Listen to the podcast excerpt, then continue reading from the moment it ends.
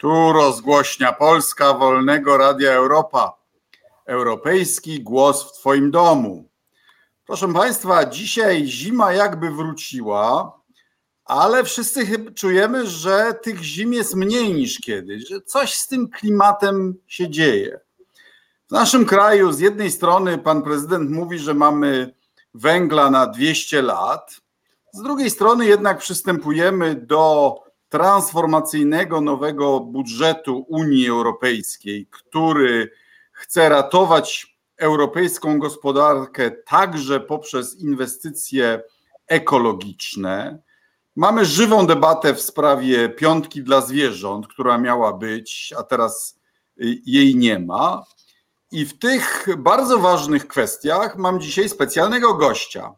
Naszym, e, moim i Państwa gościem jest przewodnicząca czy współprzewodnicząca Partii Zieloni, pani poseł Małgorzata Tracz. Witam serdecznie. Dzień dobry, witam serdecznie panie ministrze, witam Państwa. Dziękuję także za zaproszenie do radia. Przypominam, że można komentować, można, yy, można zgłaszać pytania do naszego gościa i do mnie. Już widzę, że są. A naszą rozmowę chciałbym zacząć od czegoś bardzo prostego, mianowicie jest pani z Bolesławca, a to moja to moje ulubione fajanse z Bolesławca. Proszę, jaka piękna nasza ceramika kobaltowa bolesławiecka, jeszcze chyba taki ten tradycyjny wzór. Tak, e, chcę przypomnieć, że gdy tworzona była Europejska Służba Działań Zewnętrznych przez Lady Ashton w Brukseli, prezencie od polskiego ministra spraw zagranicznych dostała cały komplet bolesławieckiego fajansu, który do dzisiaj tam służy gościom e, dyplomacji europejskiej.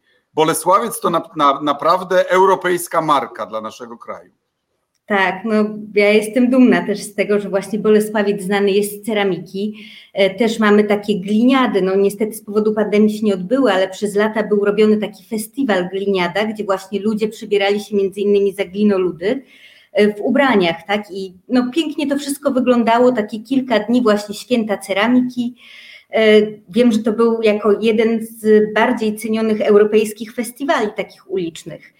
A no, ceramikę bolesławiecką sama bardzo lubię i tak cenię to, że można dokupywać kolejne rzeczy i mimo, że są na przykład różne wzory, inne nawazy, inne, inne zestawy, tak, filiżanek, to to wszystko pięknie razem wygląda, no a też jest takim właśnie uniwersalnym prezentem, także nie, nie można z taką e, drobną pamiątką z Bolesławca właśnie z taką ceramiką nie trafić ale z drugiej strony produkcja fajansu jest chyba bardzo e, e, energo, no taka intensywna, prawda? Co, co no pani na to jako zielona? Mamy pokłady tej gliny, prawda? To jest pewna taka tradycja. No wydaje mi się, że dużo bardziej energochłonne albo szkodzące środowisku są inne inwestycje, jak na przykład nie inwestycje, tylko działania, jak na przykład spalanie czy dalsze wydobywanie paliw kopalnych, więc tu raczej porównania, porównania nie ma. No dobra, to e, zacznijmy od e, łatwego tematu. Energia atomowa czy nie? Nie, my jako Zieloni jesteśmy przeciwni energii atomowej. Ja cieszę się, że w Polsce odbywa się w końcu taka rzetelna debata na ten temat. E, ostatnio kilka takich wpływowych think tanków i to z różnej strony sceny politycznej, bo i krytyka polityczna, i kultura liberalna, e, i klub jagielloński podjęli właśnie taką debatę na temat atomu.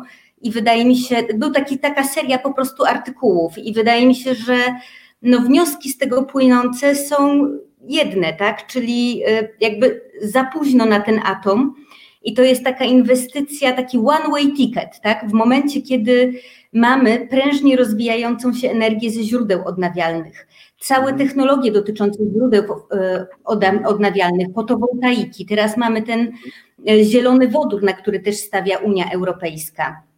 E, mamy energię wiatrową, którą dzisiaj też się pojawiło ciekawe takie badanie właśnie, że 85% Polek i Polaków popiera rozwój energii wiatrowej na lądzie, tak? Wbrew właśnie temu, że mamy tę ustawę za, za praktycznie wykluczającą możliwość posiadania wiatraków. Więc no, tu dzieje się rewolucja w technologii dotyczącej energii ze źródeł odnawialnych. Natomiast jeśli chodzi o technologię atomową, to tam mamy stagnację.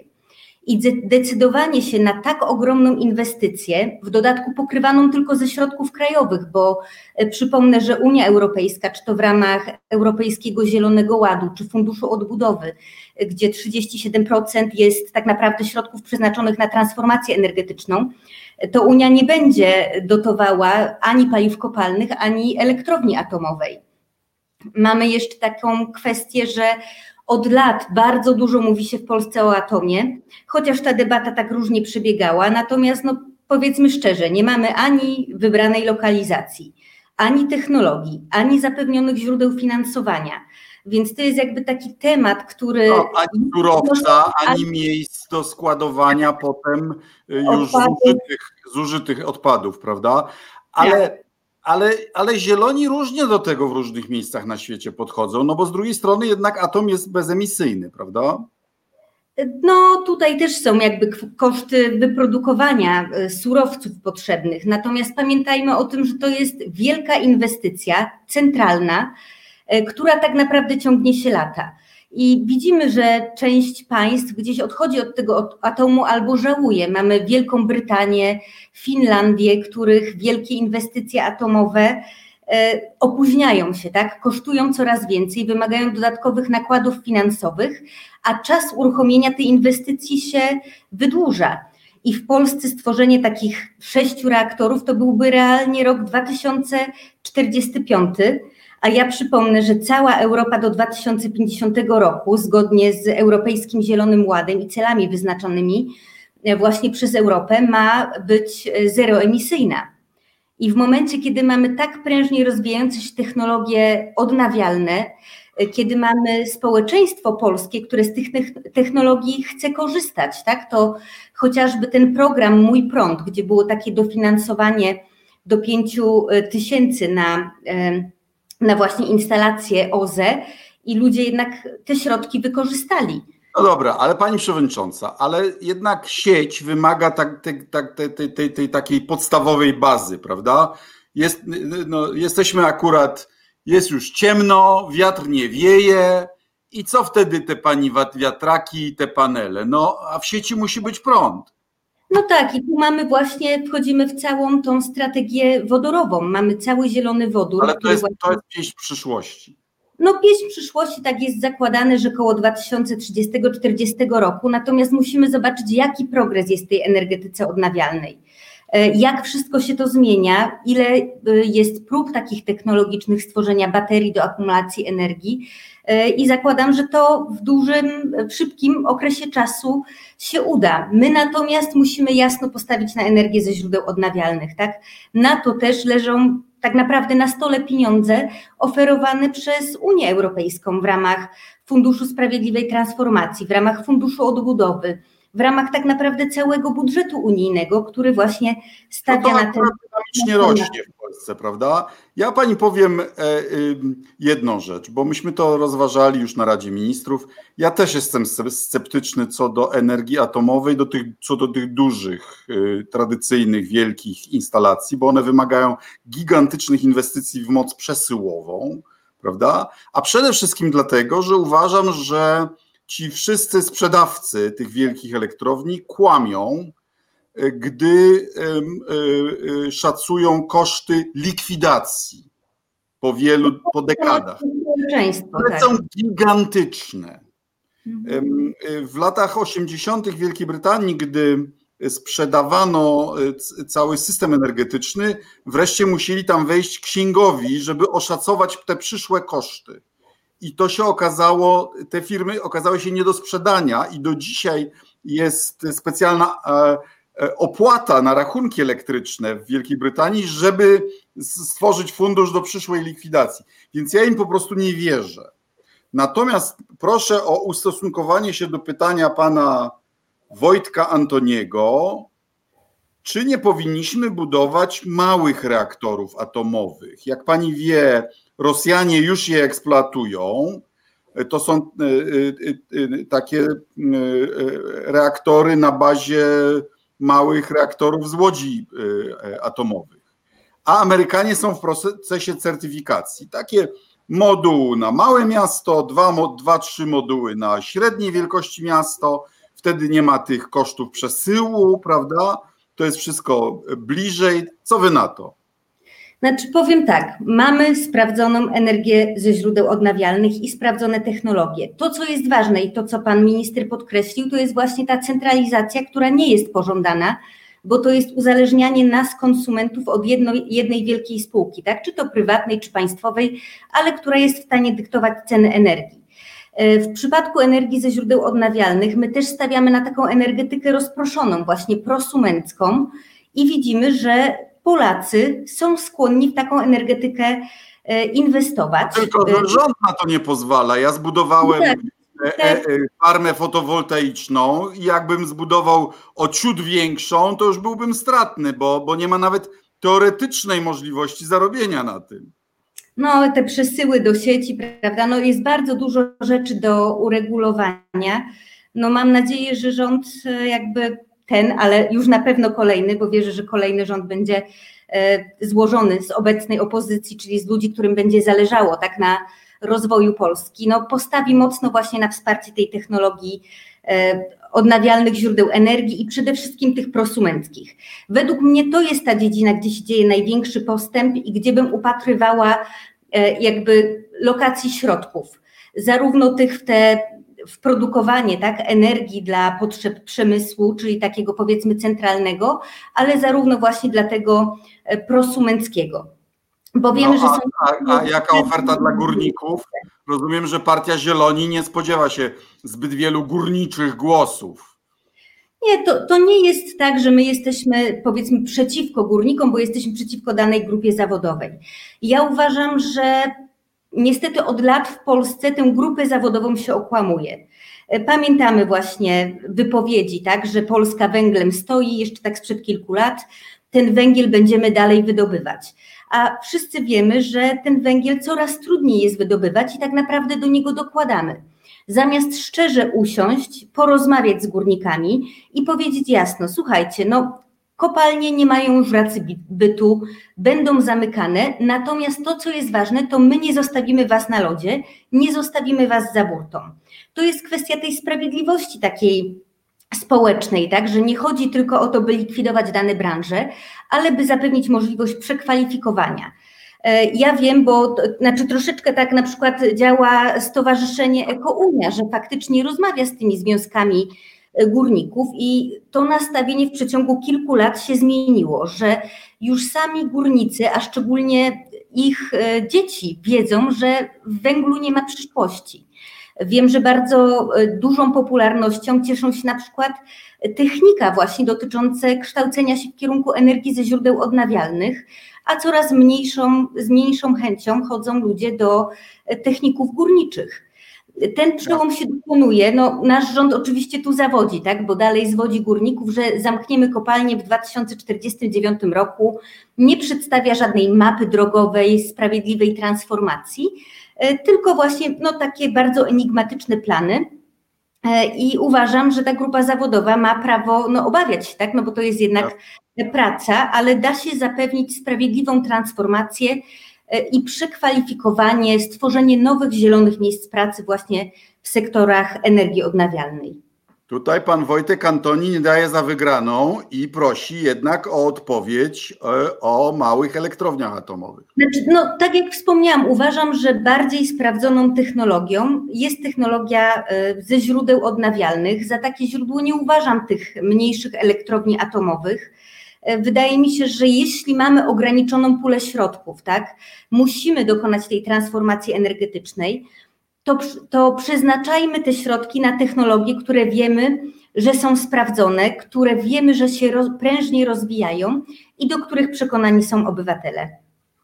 Y, y, y, zmierzając ku końcowi e, sprawę związaną z energetyką, jaką decyzję czy jaką ustawę uważa Pani za najważniejszą, żeby popchnąć Polskę szybciej w kierunku niskoemisyjności? No, mam wrażenie, że tu chodzi bardziej o cały plan, dlatego że Ministerstwo Klimatu nie ma po prostu planu sprawiedliwej transformacji. Są, prawda, robione tam polska polityka energetyczna, krajowy plan, niby teoretycznie, ale tam nie ma żadnych konkretnych zapisów. Dalej uwzględniana jest właśnie wielka inwestycja w postaci elektrowni atomowej przeznaczamy jakby środki na przemiał, tak? Ładujemy w ten plan, e, w plan atomowy, z którego wiemy, już możemy jasno powiedzieć, że wiemy, że nic nie wyjdzie. No w państwie, które jest tak chaotycznie zarządzane, które działa właśnie bez żadnych planów strategicznych. E, więc kluczową rzeczą byłoby stworzenie takiego okrągłego stołu, tak? Niech rząd nie zamyka się we własnym gronie, ale zaprosi ekspertów z różnych dziedzin. Zaprosi właśnie ekspertów także z energetyki odnawialnej, ze związków zawodowych górników, by wspólnie porozmawiać o tym, jak polska energetyka ma się zmienić i w którą stronę iść. My na przykład jako Zieloni już chyba dwa czy trzy lata temu we współpracy właśnie z naukowcami, między innymi profesor Popczyk, też Marcin Popkiewicz, e, doktor Kassenberg, czyli takie no powiedzmy czołowe nazwiska, e, czołowe nazwiska tej polskiej energetyki, przedstawiliśmy taki plan właśnie sprawiedliwej transformacji, bo pamiętajmy, że z jednej strony chodzi o energię, ale z drugiej strony chodzi na przykład w dużej mierze o termomodernizację, tak, czyli docieplanie budynków i doprowadzenie do tego, by nie tylko produkować coraz więcej energii z tym, że z innego źródła, ale jednocześnie tej energii coraz mniej zużywać. Więc. Jak zaawansowany jest polski program, bo są na to już dotacje, prawda? I, I, nawet zwolnienia podatkowe na termoizolację. Ile jest jeszcze, ile, ile już zrobiliśmy, a ile jest jeszcze do zrobienia, wie pani?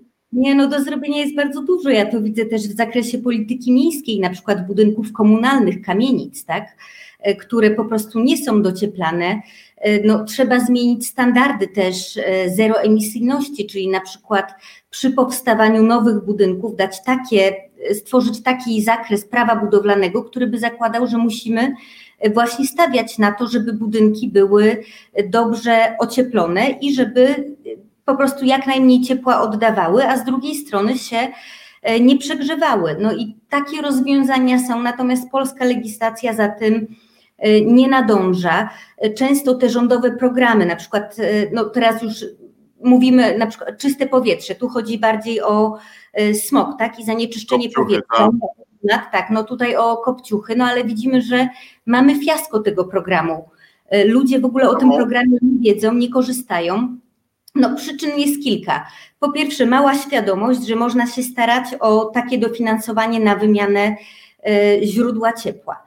Program ograniczony jest też tylko do domków jednorodzinnych, a na przykład to na samorządach spoczywa ciężar. Ja patrzę po Wrocławiu, e, wymiany w budynkach, e, w blokach, w budynkach wielorodzinnych.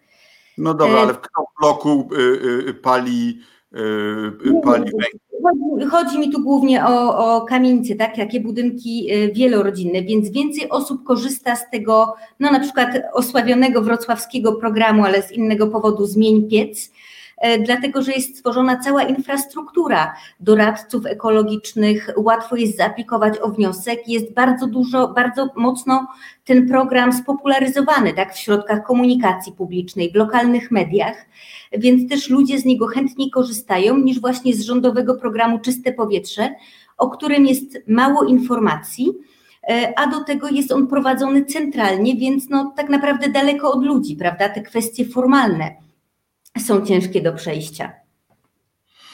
Y, trochę zmieniając temat, chcę pani zacytować pana wiceministra Jarosława Selina sprzed pięciu lat, który przekonywał, że szacunkowa wartość złóż pod przekopem przez Mierzeję Wiślaną to 880 milionów złotych, czyli tyle, ile miała kosztować cała inwestycja. A Czyli której pokazalibyśmy, prawda, palec Putinowi e, za darmo. Tak, no a też wiemy, że koszty tej inwestycji cały czas wzrastają, tak? Koszty wzrosły ponad dwukrotnie, a przed e, wczoraj bodajże Urząd Morski stwierdził, że bursztynu nie ma. No nie ma, a środy, y, szkody środowiskowe są, tak? Całe połacia y, lasów wycięte. Y, no, będą się mieszać wody, tak? Słodkie i słone, co też wpływa na ekosystem takiego regionu. Nie wiem, ten cały przekop Mierzei Wiślanej to jest takie właśnie megalomańskie myślenie Prawa i Sprawiedliwości, tak? Podobnie jak centralny port komunikacyjny, że zróbmy wielką inwestycję, wystawmy sobie pomnik, nieważne czy to pochłonie więcej środków niż wygeneruje, e, nie, nie patrzymy w ogóle tak na straty środowiskowe, no bo też wiemy, że e, w polityce Prawa i Sprawiedliwości środowisko to tak naprawdę jest tylko zasób, który się wykorzystuje, e, którego nie trzeba chronić, a wprost jakby jest nastawienie, że byle tylko to środowisko niszczyć. Co do mierzei, ja mam podejrzenie, że to jest tak jak z gimnazjami, że to jest osobista obsesja Kaczyńskiego, który był kiedyś senatorem z Elbląga. Tam mu kiedyś ktoś coś nagadał i on te, teraz chce tam zadowolić jakichś tak. jakichś znajomych. Bo ja mam trochę ja mam też dodatkowe e, problemy z tą inwestycją. Mianowicie e, byłem w Elblągu i Elbląg nawet nie jest nad tym zalewem. Elbląg jest nad rzeką, e, cofniętą o dobrych kilkaset metrów. Tak. A, a z kolei negocjowałem z Rosjanami też e, umowę dotyczącą Zalewu Wiślanego i się dzięki temu dowiedziałem, że średnia głębokość wody w tym zalewie to jest, to jest półtora metra. E, czyli no, ale to już chyba obśmiane zostało, prawda, że zakładamy, że tam będzie Żeby wielki, to, to wielkie statki będą tam będzie wody. No. To trzeba, ale to, to jest trochę głębokie takie kanały do, do, dopływowe, dostępowe.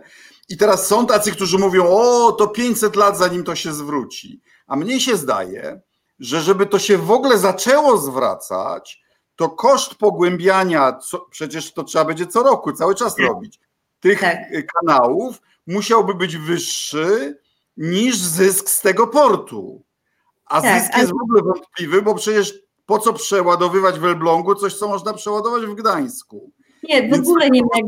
Nie zwróci. Nie, i nie ma to uzasadnienia i też taka cała bójda, że nagle powstaną tam nowe miejsca pracy i region odżyje. Jakby nie tędy droga, tak? Nie, w, nie, w, nie przy wielkich takich inwestycjach, tylko właśnie w postawieniu na jakieś mniejsze lokalne. Ale ten przykład Mierzei też pokazuje ogólne takie myślenie rządu PiS jakby o zasobach wodnych, bo wiemy, że są takie wielkie plany, tak, kanalizacji rzek, Odry, Wisły i stworzenia z nich właśnie kanałów na transport towarów. Natomiast jakby nie uwzględniamy tego, co dzieje się na naszych oczach, czyli mamy suszę, tak? Wspomniał pan minister o tym, że dopiero teraz jest zima i trochę śniegu. Nie wiem, we Wrocławiu dzisiaj było e, trochę śniegu, ale już zdążył stopnieć. No ja mieszkam tuż nad Notecią. Noteć, Noteć nam wysycha po prostu. Tak, o właśnie, Noteć na pewnym o, o, e, tak, odcinku jest e, wyschła, natomiast no, ani Wisła, ani Odra nie są rzekami żeglownymi. To nie jest ta klasa żeglowności, tak? No, jakbyśmy chcieli zaklinać rzeczywistość, to one nigdy nie będą E, Renem na przykład. Po prostu są to zupełnie inne rzeki. Na przykład Wisła bardzo często przez przyrodników jest porównywana do Loary, że jest to rzeka bardzo rozłożysta. E, właśnie bardzo dużo jest tam ptactwa, bogactwa takiego przyrodniczego i sposób e, za no, takiego zagospodarowania Wisły powinien iść właśnie w takim kierunku, jak idzie Dolina Loary, tak, że bardziej e, taka turystyka, która też nie szkodzi, e, e, nie szkodzi przyrodzie, ale robienie pewnych szlaków. Tam można też organizować wycieczki dotyczące właśnie śledzenia. A propos, a propos, swego czasu, swego czasu prezydent Bronisław Komorowski był sponsorem ustawy, która miała po, po, pozwolić na jeżdżenie rowerami po wałach przeciwpodziołowych wzdłuż Wisły, po to, żeby można było rajdy rowerowe e, od Tadr do Bałtyku. Co się z tym pomysłem? Wydawało mi się, to, że to świetny pomysł. Co się z tym pomysłem stało? Przyznam, że nie śledziłam tego, ale wydaje mi się, że takie wały są często. No ja akurat nad Odrą we Wrocławiu, no to mamy wały, mamy tam ścieżki rowerowe i jest to jedno z takich ulubionych miejsc, e, no właśnie wycieczek rowerowych wrocławian albo, e, albo spacerów. Mhm. Czy Jarosław Kaczyński jest zdrajcą sprawy zwierząt i, dobro, i ich dobrostanu? No na pewno jest osobą, która oszukała bardzo wiele osób, którym kwestia ochrony zwierząt leży na sercu. Ja wiem, jak przy okazji tej piątki dla zwierząt, jakie wielkie nadzieje były właśnie wśród wśród członków organizacji pozarządowych walczących tak od lat na rzecz poprawy dobrostanu zwierząt, wśród osób, które no po prostu kwestie ochrony zwierząt mają w sercu. Ja sama liczyłam, że ten projekt zostanie przez Sejm e, uchwalony, mimo tego, że tryb prac nad nim rzeczywiście pozostawiał wiele do życzenia. Wydaje Ale mi się, to, że. Y, ubój rytualny bydła też, bo to jednak jest wielki biznes. Ja mieszkam na wsi i nie chciałaby pani słyszeć, y, co rolnicy o tym mówią. Znaczy, ja powiem tak, y, to był duży projekt. Ja sama, jakby przychodząc do Sejmu, wiedziałam, że chcę składać projekty dotyczące poprawy ochrony zwierząt, natomiast takie mieliśmy założenie, żeby to robić stopniowo, czyli na przykład najpierw zakaz zwierząt w cyrkach, potem chipowanie zwierząt. Tak mówimy tu i o zwierzętach dzikich, i o zwierzętach domowych, i o hodowlanych. A piątka dla zwierząt to było powtórzenie takiego projektu, który był jeszcze w poprzedniej kadencji, który właśnie zawiera w sobie bardzo wiele elementów, bo e, i on w poprzedniej kadencji też przepadł, tak? Też nagle się zrobiła o nim cisza. A w przypadku piątki dla zwierząt to były takie trzy elementy, czyli zakaz hodowli na futra, e, zakaz pod pewnymi e, warunkami uboju e, rytualnego, głównie na eksport, bo tam chodziło o eksport i także poprawa dobrostan, dobrostanu zwierząt domowych, czyli chodziło o smycze, o sytuację zwierząt towarzyszących, sytuację zwierząt w schroniskach. Mm, I naprawdę. Ja no, powiem, jako pol, polityk, polityk, Gdybyście się skupili na futerkach i na smyczach, to by przeszło. Ja też tak, ja, ja się z tym zgadzam, że kwestia uboju poróżniła, dlatego że już na przykład w, w kwestii futer, czyli ferm, E, hodowli zwierząt na futra, no to już to jest bardzo wąska grupa, tak, hodowców. Tak naprawdę oni zanieczyszczają środowisko, w którym żyją, zatrudnia, nie zatrudniają osób, które mieszkają w tej okolicy, e, tylko no często pracowników, tak, no nielegalnie. Unikają miejsc pracy w całym kraju. Tak, unikają płacenia podatków, więc to jest naprawdę niewielu hodowców, czyli jakby taka grupa przedsiębiorców, która kosztem cierpienia zwierząt i kosztem e, no, komfortu ludzi, którzy w pobliżu ferm mieszkają oraz właśnie skażenia środowiska czerpie profity. I, mam I, większość wrażenie... Pol, I większość Polek, umówmy się, ani nie ma, ani nawet nie marzy o, fut, o futrze nie, To już nie ta epoka, nie? Oni to robią też na eksport, ale wydaje mi się, że ta branża już się pogodziła z tym, że dobra, musimy tę działalność zamykać i zwijać. I wydaje mi się, że jakby był sam zapis, E, dotyczący właśnie e, zakazu hodowli na futra, no to on by przeszedł. To ta ustawa by przeszła, bo to też nie jest tak duży przemysł. Natomiast powiedzmy sobie szczerze, na poziomie procedowania tego projektu piątki dla zwierząt w Sejmie zostały popełnione błędy, tak? Na, na przykład ten słynny błąd e, mieliśmy, ja akurat byłam mocno zaangażowana w te prace, mieliśmy komisję rolnictwa.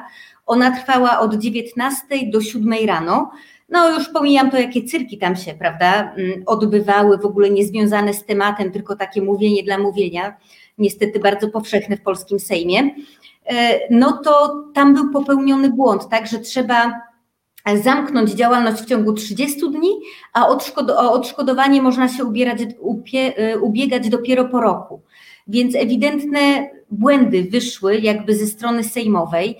Miałam nadzieję, że dzięki tej szerokiej debacie w Senacie, którą która została przeprowadzona, e, te błędy zostaną naprawione i ta po prostu e, ten projekt ustawy wróci do Sejmu i zostanie przegłosowany. No ale stało się taką kością niezgody e, w obozie Zjednoczonej Prawicy, no że po prostu przepadł, tak? Trafił do tej zwanej w tak Łatwiej zwanej... upartyjnić wymiar sprawiedliwości niż zrobić coś dla, dla zwierząt, no, prawda? Ja, przyznam, ja, ja tak, ja uważam, że sam ten projekt to był naprawdę krok milowy bo ustawa o ochronie zwierząt, tam są wprowadzane raz na jakiś czas drobne zmiany. Tak, no wiadomo, gdzieś to idzie ku lepszemu, ale to są naprawdę dobre zmiany.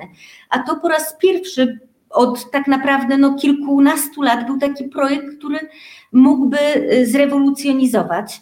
Ja myślę, że my, do tych kwestii musimy wrócić. Tak? No, też leży w sejmowej zamrażarce y, nasz klubowy projekt Koalicji Obywatelskiej zakaz cyrków ze zwierzętami. Dalej obowiązki, obowiązek chipowania Jest też projekt takiego, takich dodatkowych środków dla zwierząt, koni i psów, które służyły w służbach. No bo prawda, no mamy w policji, w straży pożarnej psy, one często potem są schorowane już po odbyciu tej służby. Celnej, Bardzo często no tak, tak, znaczy no, te, to są psy, które pracują tak naprawdę, prawda? I potem zasługują też na, e, na, na godną starość. Bardzo często oficerowie, którzy współpracują mm, zawodowo z tymi psami, chcą się potem nimi znaleźć, ale te psy też z powodu i szkolenia, i e, właśnie takiego no, no ciężkiej pracy, no mają wiele schorzeń, więc też potrzebne jest takie dodatkowe środki budżetowe, żeby po prostu pomóc opiekować się tymi zwierzętami, które pracowały całe życie. Szarik z czterech pancernych podobno stoi wypchany w szkole y, policyjnej w Szczytnie. Ja mogę się no. mylić, chyba tak słyszałem. Natomiast wracając do ustawy, to tylko chcę przekazać pani od moich sąsiadów, rolników, że to, co y, ich też bulwersowało, to to, że ona przewidywała, że ludzie bez statusu y, urzędowego, czyli, czyli jacyś działacze, jacyś aktywiści, jacyś miastowi, mówiąc krótko, będą im wchodzić do gospodarstwa, yy, naruszać ich prywatność i być taką policją yy, do spraw zwierząt. I to, co, wie pani, i, i, i gdy to robi urzędnik państwowy, no to jest yy, irytujące, no ale nie ma siły, prawda? A tu nagle uprawnienia były przyznane ludziom, którzy nawet nie są urzędnikami.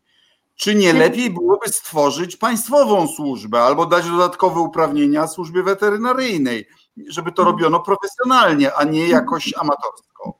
Wydaje mi się, że wokół tego tematu narosło dużo mitów, dlatego że już teraz organizacje pozarządowe interweniują w sprawie zwierząt, które są źle traktowane. To się odbywa mhm. najczęściej w porozumieniu właśnie z policją, ze służbami weterynarny, weterynaryjnymi. E, natomiast e, weźmy pod uwagę e, to, że tam miała powstać też taka lista organizacji pozarządowych, które właśnie mogą działać e, w tym zakresie i to miały być organizacje, które współpracują z prawnikami, które e, cieszą się dobrą opinią, e, które mają jakby istnieją już na, na tej scenie praw zwierząt od dłuższego czasu. No, mamy taką sytuację w Polsce, gdzie służby weterynaryjne, Państwowa Inspekcja Weterynaryjna niestety jest bardzo mocno niedofinansowana i nie ma możliwości, by w takich działaniach uczestniczyć. I to jednak organizacje pozarządowe obecnie w dużej mierze przejęły na siebie tę rolę dbania o zwierzęta, które są maltretowane. To nie jest tak, że one wpadają i to zwierzę zamykają, ale na przykład sprawdzają tak jakieś doniesienie, że pies jest trzymany na łańcuchu, nie jest mu dostarczany pokarm, łańcuch, tak kolczatka już mu wrasta w szyję, jest wychudzony. I to te organizacje pozarządowe kierują właśnie takie informacje do konkretnych służb, y, wychodzą z interwencją, też tę sprawę nagłaśniają i według mnie no, pozbawienie ich tego prawa, tym bardziej, że one są dużo bardziej skuteczne obecnie niż służby, y, byłoby z niekorzyścią dla zwierząt. Mhm. Natomiast zgadzam się, że Państwowa Inspekcja Weterynaryjna musi zostać dofinansowana, to jest instytucja, która zajmuje się jakby szeregiem działań dotyczących środowiska, tak? bo taki państwowy e, lekarz weterynarii zajmuje się e, i kwestią, nie wiem, po polowaniach, tak? sprawdza zwierzynę i bada, czy nie ma ASF-u I, i wiemy, że w ogóle dziki, które zostały zastrzelone, to w bardzo małym stopniu, to, to jakiś e, odsetek procenta był, które faktycznie miały ten ASF. E, potem taki lekarz weterynarii też jeździ właśnie na fermy, tak, e, norek czy jenotów, żeby sprawdzać warunki. E, jest informowany o, o, o, planach uboju tych zwierząt. Zajmuje się też zwierzętami gospodarskimi. Sprawdza, czy na przykład są przestrzegane normy przez rolników dotyczące produkcji mleka, czyli ta inspekcja jest przeciążona i ja uważam, że w wielu aspektach powinno się po prostu stworzyć y, tam dodatkowe etaty, dodatkowych ludzi i też docenić tych ludzi, którzy w tych służbach pracują. To jest duży problem. A propos, ja jednotów, a propos jednotów mi się skojarzyło z jednym z europosłów, a, no tak. ale, ale chwila, moment, bo jest pani europoseł Sylwia Spurek, która została europosłanką z list chyba, e, a na raczej na pewno z wiosny, ale przynajmniej tam przystąpiła do zielonych. Zgadza A w Polsce, się. Czy jest, waszą, czy jest wasz członkiem waszej partii? W Polsce współpracujemy, także najpierw chcemy przeprowadzić szereg wspólnych działań, też y, poznać się troszeczkę lepiej. No ja się bardzo cieszę, że Sylwia Spurek dołączyła do Grupy Zielonych w Parlamencie Europejskim. E, myślę, że ona sama się w tym dobrze czuje, dlatego że jednak ta jej wrażliwość dotycząca e, czy praw człowieka, czy właśnie ochrony zwierząt pokrywa się z tą wrażliwością, którą mają europejscy zieloni, którą także mamy my.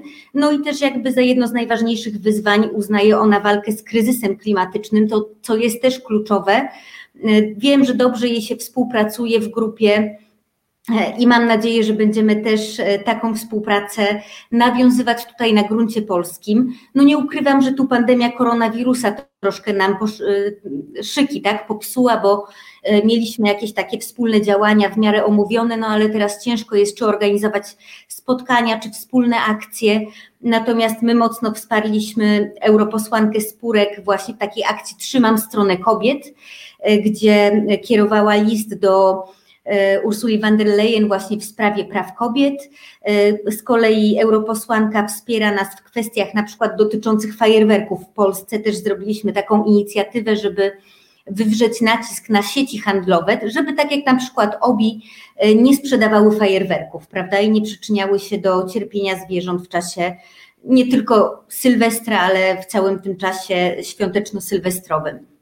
Więc Zgadza się pani z panią europoseł, że aby dać mleko, krowy są gwałcone? No są zapładniane, tak? No to nie jest e, robione w sposób naturalny, tylko są odpowiednio e, dobierane. No, z tym się łączy hodowla. Znaczy, ja uważam, że takie głosy są bardzo potrzebne, dlatego że nigdy się nasza wrażliwość nie zmieni, jeśli pewne głosy nie będą bardziej e, obrazowe w debacie publicznej. I uważam, że na wszystko jest czas. No ja uważam, że my musimy odchodzić tak, od rolnictwa przemysłowego, dlatego że to jest złe dla klimatu, to jest, y, no, powoduje duże cierpienie zwierząt y, i naprawdę są inne sposoby. Wczoraj nawet na dyżurze poselskim, bo mam takie telefoniczne dyżury poselskie, trochę ze względu na pandemię, a też w dużej mierze, żeby umożliwić kontakt ze mną osobami nie tylko, które mogą y, przyjść bezpośrednio do biura. I dzwonił właśnie do mnie pan rolnik z województwa kujawsko-pomorskiego mówił, że tak naprawdę on tak lubi zielonych, bo uważa, że jego interesy właśnie jako rolnika najlepiej reprezentują zieloni. No dobra, ale wśród, różnych, ale wśród różnych sensownych rzeczy, o których rozmawialiśmy z panią e, e, poseł Spurek, jedna rzecz mnie zaskoczyła. Ona nie je też miodu, bo uważa, że to jest produkt wykorzystywania pszczół. No tak, to jest jakby, no mamy dietę wegetariańską i wegańską. Co do tego miodu, y, miodu to rzeczywiście są pewne różne doktryny, powiedzmy, jeśli chodzi o, e, e, o wegetarianizm. No, no tak, no hodujemy pszczoły, potem zabieramy im miód, a dajemy cukier, tak, rojowi, żeby przetrwał, e, żeby no przetrwał. Każda hodowla na tym polega. No, no polega na, no ale to tak samo jak mamy, ale prawda, to, świnie. Ale owce, ale owce możemy, możemy strzyc, czy, czy, czy Myślę, że wszędzie są, prawda, jakieś takie granice, no ale spójrzmy też, że e, jakby zmienia się ten świat. Mówiliśmy przed chwilą o jenotach, tak i o futrach, że nikt już z nas teraz nie czuje potrzeby, żeby kupować futro, nosić futra, futrzaną czapkę. I to samo zaczyna się robić w dziedzinie na przykład żywności, tak? E, jednym z naj... A pani, pani wegetarianizm, czy, czy dalej? Ja jestem wegetarianką już tak od o ponad 10 lat, ale ja przyznam szczerze, że mnie było łatwo, bo ja nigdy nie lubiłam mięsa, tak? Więc ja nigdy tego mięsa za dużo nie jadłam. To było tak, że jakaś uroczystość rodzinna, no dobra, to już tam nie chciałam robić problemu, żeby coś specjalnego e, szykować, więc od czasu do czasu zjadłam. Z tym nie mam problemu. No staram się mieć dietę wegańską, ale nie jestem w tym taka restrykcyjna. No, o no, ale na przykład... morduje pani, morduje pani warzywa, które cierpią. No nie, już pani. Zielony powinien być frutar, frutarianinem powinien być. A, to, a owoce można, tak? Nie, frutarian to dopiero jak owoc spadnie z drzewa. A no, to jeszcze widzę, że row, tak? Dieta row, że właśnie wszystko na zimno. Ja powiem tak, każdy człowiek ma wybór i jeśli ktoś chce jeść tylko owoce, które spadły z drzewa. Jeśli ktoś chce być tylko i wyłącznie na diecie roślinnej albo wegetariańskiej, to wydaje mi się, że takie rzeczy trzeba szanować i udostępniać. Ja, ja powiem sama po sobie, bo mówię, czasami jem sery, tak? Nie zawsze jest możliwość, żeby zjeść e, posiłek wegański, ale nawet e, tam, gdzie mieszkam w Warszawie, no mam sklep, i tam się zaczęły pojawiać e, sery wegańskie.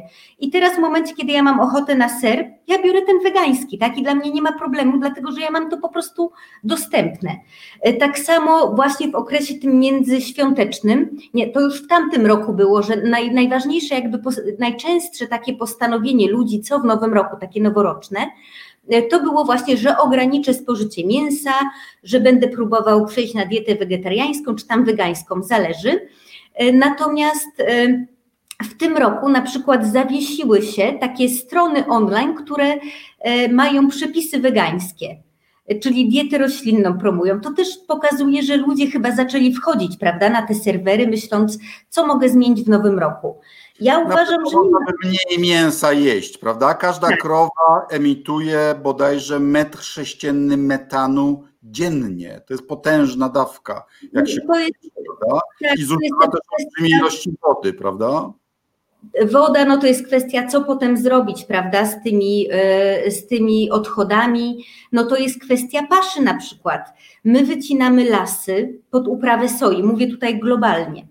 E, natomiast ta soja nie jest dla wegetarian czy wegan, jak się to czasami przedstawia, tylko tak naprawdę ona jest na paszę właśnie dla zwierząt.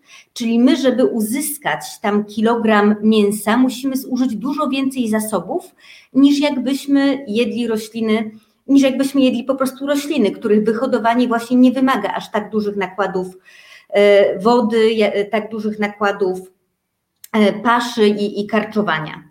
Mi się wydaje, że to jest taki kierunek, naprawdę. To no, dieta roślinna jest przyszłością, wydaje mi się, że trzeba ją wspierać. Dobra, ja lepsza dla planety i też chyba lepsza dla zdrowia, nie? Ja mam takie wrażenie, wydaje mi się, że ale Pani nie mam. daje tego... radę bez mięsa. Słucham? Pani daje radę bez mięsa. No ja daję, ja w ogóle nie tęsknię, ale mówię, mi było łatwo, bo ja nigdy mięsa nie lubiłam, więc ja rozumiem osoby, które, którym jest ciężej, ale które podejmują jakby trud, żeby chociażby ograniczyć, nie? Zaczynała pani na lewicy, prawda? Kandydowała pani do Sejmu z lewicy, ale teraz się zadomowiła u nas w koalicji obywatelskiej z Platformą Obywatelską. Jak się pani z tym czuje? Znaczy ja mówię, może powiem tak, bo ja e, zieloni, ja nie uważam, że zieloni to jest odrębna rodzina polityczna, tak? I widzimy to w Parlamencie Europejskim. To nie jest tak, że zieloni są we frakcji lewicy e, czy w Partii Ludowej. Zieloni Ale są odrębni. kandydowała się z. Tak, tak. Wtedy no.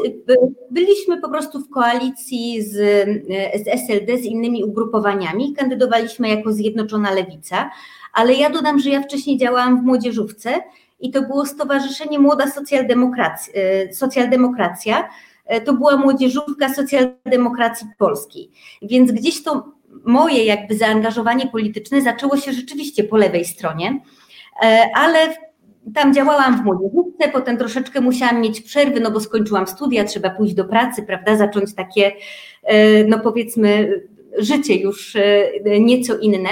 No i jak potem zdecydowałam, że chcę wrócić do takiej działalności politycznej, to od razu wiedziałam, tylko i wyłącznie zieloni. Bo też dla mnie to był taki zwrot, tak? Dla mnie nie ma ważniejszej kwestii niż e, kwestia walki z kryzysem klimatycznym i walki o środowisko naturalne. Oczywiście uważam po prostu, że zieloni są jedyną partią polityczną, która te trzy segmenty, czyli e, kwestie społeczne, kwestie ekonomiczne i kwestie środowiskowe traktuje na równi to one dla nas są jakby takimi naczyniami połączonymi. E, I patrząc na plany e, rozwoju państwa, tak, tego, w którym kierunku zmierzamy, musimy uwzględniać te wszystkie aspekty, a mam wrażenie, że jesteśmy jedyną właśnie taką rodziną polityczną, dla której to środowisko, e, ta przyroda są równie ważne jak gospodarka czy kwestie społeczne. A czy przyzna Pani, że lewica nie wymyśliła spraw związanych ze środowiskiem, że można mieć w efekcie podobne poglądy y, z pobudek konserwatywnym. Konserwatyzm, konserwowanie naszego patrymonium, ochrona przyrody może być motywowana z, z każdej strony spektrum politycznego, prawda? Tak, tak. Ja widzę, że ten zielony konserwatyzm w Polsce chyba rośnie. E, że największym, największym stowarzyszeniem w Polsce jest Polski Związek Wędkarski. A, no tak, tak, tak. E, a to są ludzie, którzy kochają przyrodę, no. No, e, powiedzmy też szczerze, że oni robią, oni, oni też dbają o to, tak, żeby mieć te ryby właśnie w stawach, w jeziorach, więc też dbają o to, by te wody były czyste, by miały dopływ innej wody.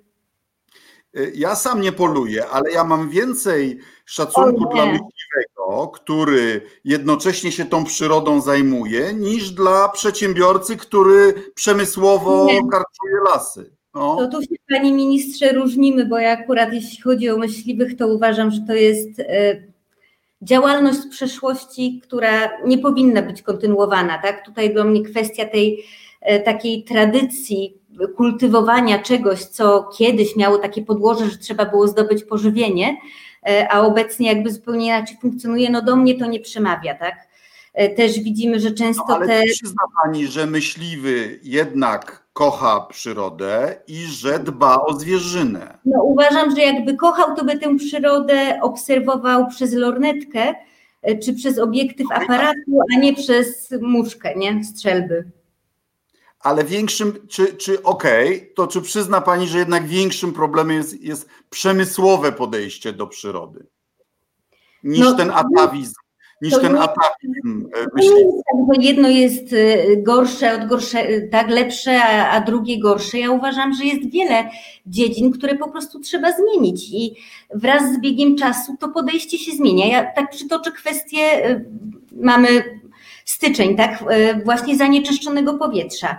Pamiętam, jak e, rozpoczynały działalność alarmy smogowe. Był krakowski alarm smogowy pierwszy, potem był chyba dolnośląski, ale mogę się mylić. W każdym razie dolnośląski był jednym z pierwszych. E, to pojawiała się taka narracja, tak, że przecież zawsze mieliśmy zanieczyszczone powietrze, to nikomu nie służy. Ekolodzy wymyślają sobie problemy. A wraz... A poza tym wdychanie polskiego węgla jest, jest patriotyczne.